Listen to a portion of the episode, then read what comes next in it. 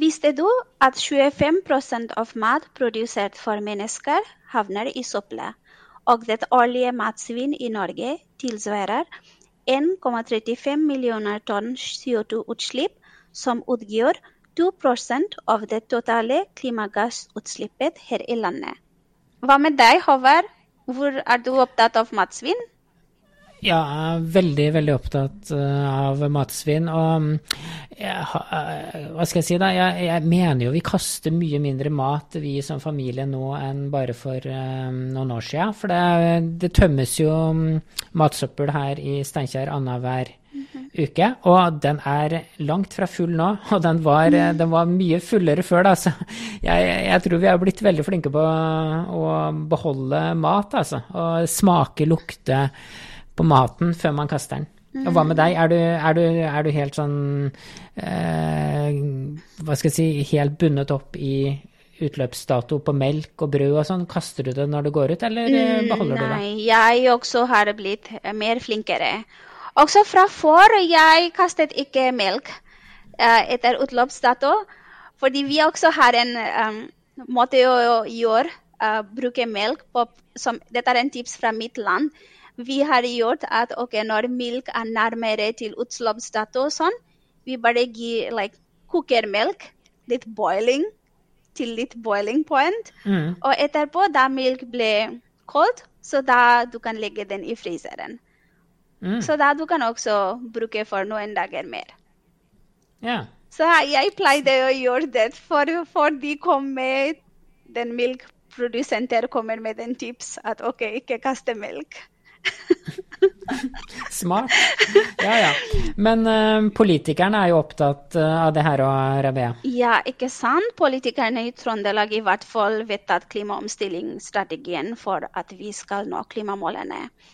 Uh, dette er en rettsnorm som skal inspirere næringsliv, innbyggere og myndighetene til felles handling. Og i klimaomstillingsstrategien er mat et av de områdene. Vi vet jo at produksjon og forbruk av mat gir store klimagassutslipp.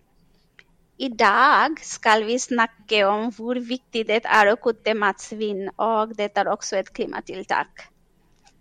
Og velkommen til dagens episode, hvor vi skal høre om et bakeri som har bærekraft og miljøbevisstheten i kjernen, og redusert matsvinn til nesten null. De har også blitt årets bakeri i 2022 og ligger på Trøndelagskysten i Stokkøya. For å snakke mer om dette har vi invitert Ingrid Langklopp, som er daglig leder av Stokkøya bakeri. Velkommen til Fylkespodden, Ingrid. Tusen takk. Først må du fortelle oss litt om Stokkøya bakeri. Når startet dere? Hvorfor og hvor mange jobber i bakeriet osv.? Eh, bakeriet starta i 2016. Og grunnen til at vi starta det, var at vi arbeider med et større prosjekt som heter Bygda 2.0, som handler om å gjøre bygda attraktiv for folk å både besøke og bo og leve.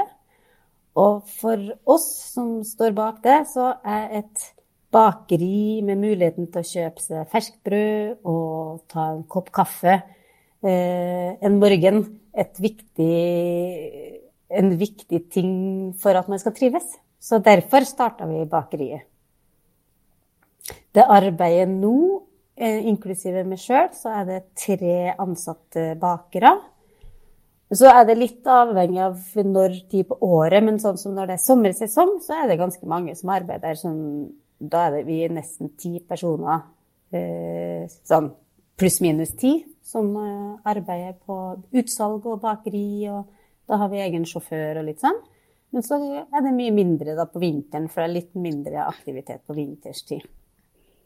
Men bakeriet er åpent hele året? Bakeriet er åpent nesten hele året. Vi har stengt bare i en måneds tid midt på vinteren. Men så varieres jo åpningstida. Vi har jo mer, flere åpningsdager på sommeren enn på vinteren f.eks. Så, så det må vi bare justere ut, ut ifra markedet. Men målet er jo selvfølgelig at det skal være så ofte åpent som mulig. så vi arbeider for å få mer, mer, produksjon og mer besøk og mer aktivitet, så vi kan ha det så så ofte åpent som mulig. Dere kaller dere et håndverksbakeri. Hva skiller dere fra andre bakerier? Et håndverksbakeri er jo, i, i, forhold til et industrielt bakeri, er jo at alt faktisk foregår med hånd. Altså all produksjon er med hånd. Eh, selvfølgelig bruker vi maskiner til en del sånn eh, ja, of course eh, steking og sånn, men, eh, men, mesteparten foregår eh, Alle kanelsnurrer, alt, alt formes av bakernes hender. Så de har hele tida Eh, om de blander deigen med en maskin, så er de alltid med, bruker de hendene til å både kjenne på og, og forme alt sammen. Så eh, det er mange, mange, mange kvalitetstimer bak hvert et produkt. Ok, Som betyr at både i den uh, Big, Data 2.0 prosjekt, hvor dere har skapt et måteplass, og samtidig den bakeriet også mer som human touch i hele prosessen.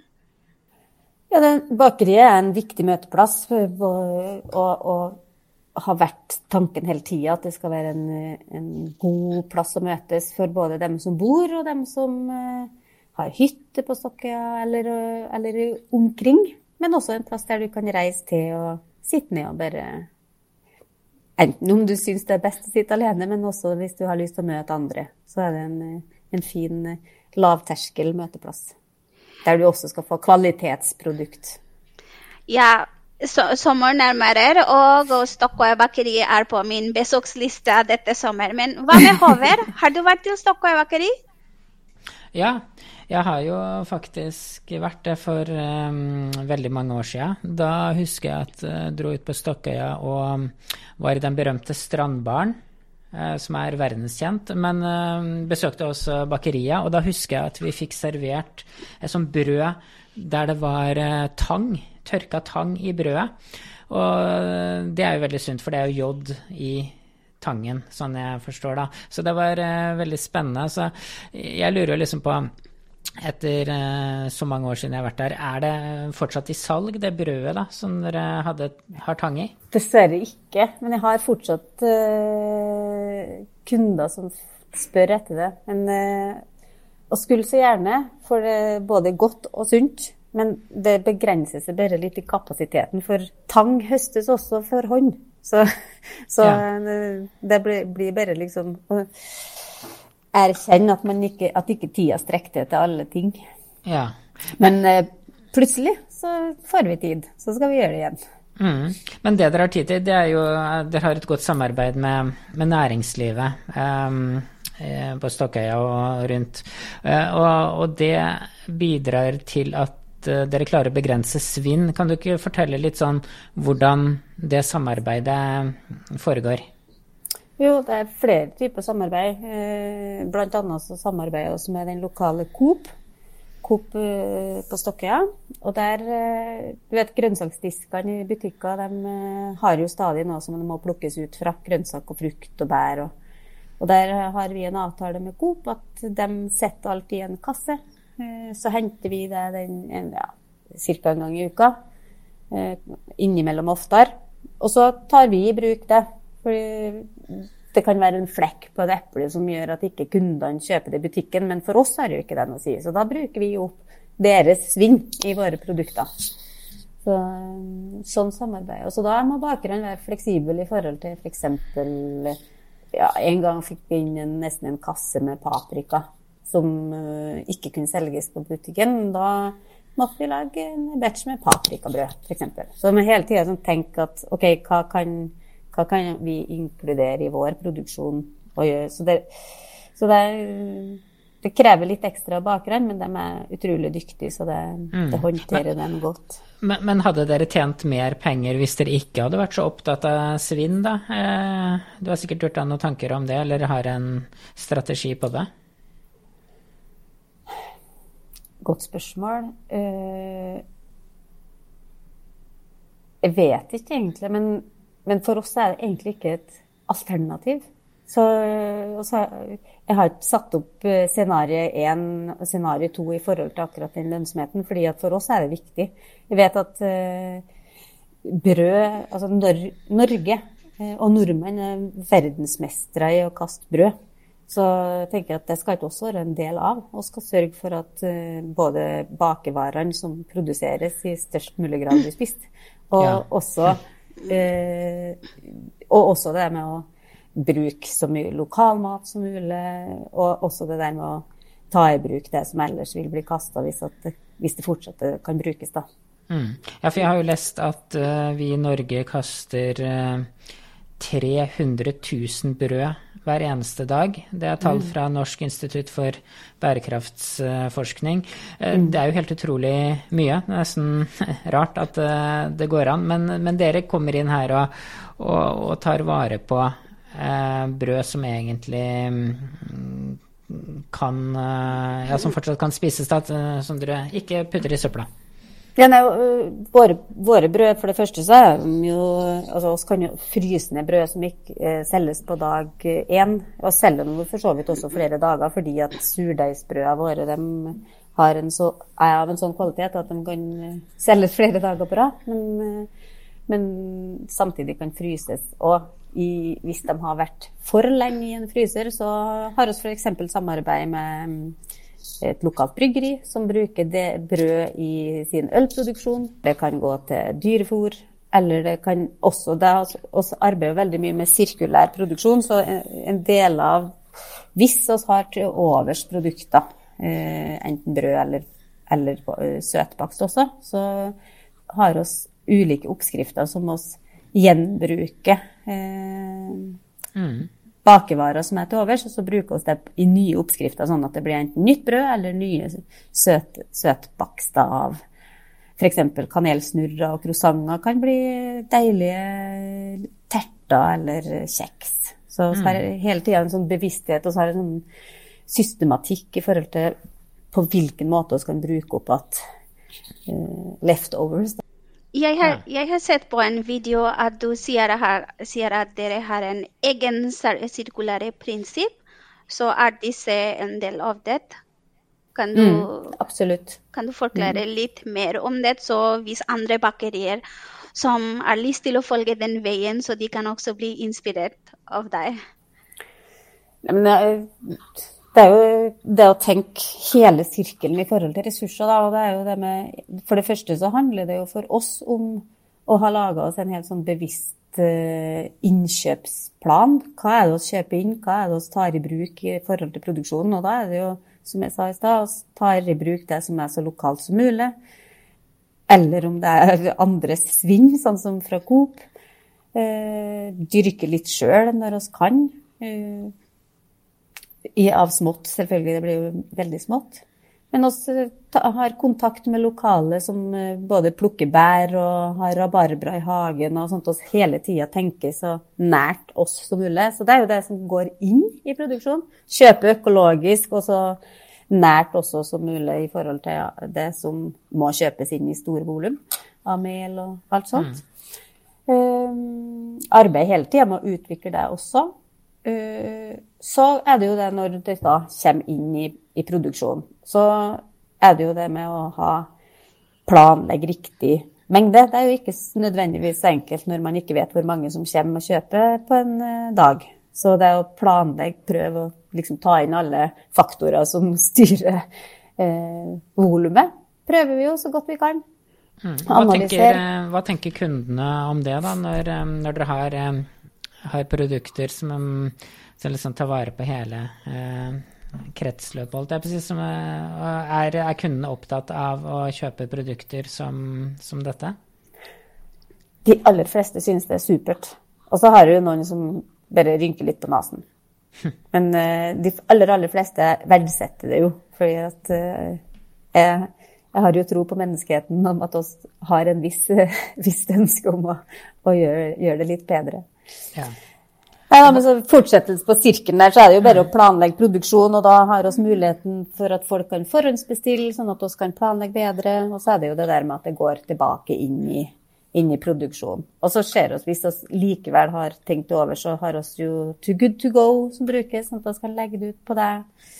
Eh, eller også rett og slett gi det bort til, til dem rundt oss, hvis vi ser at det er også en mulighet. Og så har jo personale eller eller kan ja, Mm. Hvis det står på bondens marked, så har jeg jo kolleger som jeg kan gi det bort til. Og sånn. Så det er bare sånn at også er veldig opptatt av at det skal bli spist og ikke kasta.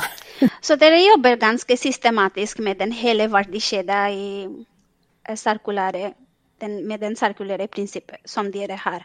Men hva skjer hvis dere har fortsatt kanskje det også noen gang blir at dere har også litt overproduksjon og mat? Uh, ja, brød som er ikke solgt av. Og hva, hva, gjør de med resten brød som er ikke tatt av med good to, to, good to go, eller ikke? Hva gjør Har dere noe svin, da? Brød fryser vi ned. For det kan, eh, brødet har like god kvalitet om det er frossent og tas opp igjen. Og mange Vi selger jo engrå til hoteller og sånne ting, og de kjøper uansett for å legge i fryser. Så da er det jo, har ikke noe å si om det er vi som fryser ned, eller dem.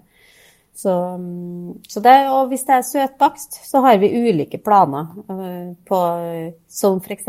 croissanter, kanelsnurrer og det som ja, en, en hel del av våre produkter kan tørkes, knuses og går inn som komponent i nye produkter. Ja, spennende.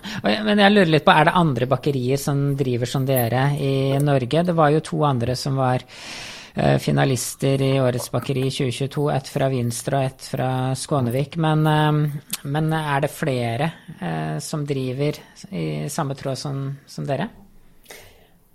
Ikke, altså jeg kjenner ikke til det, men det, det regner jo med at på forskjellig vis så gjør jo alle alle sitt. Men eh, jeg kjenner ikke til noen som har, har, gått sånn helt all in, og det var kanskje også derfor at oss gikk av med tittelen i fjor, da. ja. Og hva er neste mål, da? Nå som dere er eh, Årets bakeri, hva, hvor høyt sikter dere nå? Jeg nå sikter oss mer på å få en eh, stabil drift. Men vi har meldt oss på årets produkt på Matfestivalen, da. Så det må jo være årets årets uh, håp om at vi kan kanskje få, en, få hjem en, uh, en, pris der. Ja, og hva skal dere ha med da? Du har sendt inn, og så meldt oss på med tre forskjellige produkter. Ett brød, et brød og en søtbakst og, en, uh, og en, noe som heter for pastis. Og det er jo kanskje den som jeg tenker det, det er et sånn resteprodukt. fordi at hver gang vi lager croissanter, så blir det jo sånn avskjær. Men for å ikke kaste avskjæret, så lager vi noen noe, sånne eh, klemmer som vi fyller med ulike grønnsaker og ost og litt sånne ting. Og da bruker vi da, fyller oss det med det som er fra Coop-disken. Så mm. da blir det rester fra croissantproduksjonen blir fylt med uh, svinnprodukter fra Coop. Og så blir det et veldig godt uh, lunsjmåltid, f.eks. Det, ja. sånn, uh, det, det er italiensk og heter pastis. Ja. Spennende. Mm. Ja, men Det høres jo veldig spennende ut, eh, det her, Rabia. Jeg blir mm. nesten litt uh, sulten. Ja, jeg også. Jeg også. Akkurat trodde å si det. Men Ingrid, har du noen tips til de andre, til de forbrukere, også bedrifter, som har lyst til å gjøre en med matsvinn? Altså for det første så er det jo å kjøpe Selv om jeg gjerne vil selv, så man trenger, skal ikke kjøpe mer enn det man klarer å spise opp. Så spis opp det du kjøper. Og så er det et kjempegodt tips det at det er så mange ting som kan gjøres med f.eks. brødrester. Det, bare google oppskrifter på eh, brødrester, så kan jeg gå inn i mange slags mål, nye måltid. Og likeens med søtbaksten. Om, om, den er tørr på dag to, så kan du kanskje kutte opp og putte i ovnen, så blir det bare noe sprø kanel, kanelkjeks av en kanelbolle. Så det er mange sånn Bare det å gjenbruke det. Og så er et tips det der med også, som er positivt for oss, er jo at, at kundene også forhåndsbestiller. Så er det jo mye enklere å styre produksjonen sånn at det ikke blir svinn totalt sett. Det var gode råd å avslutte denne sendingen med. Tusen takk til Ingrid Langklopp, som er daglig leder på Osokoya bakeri.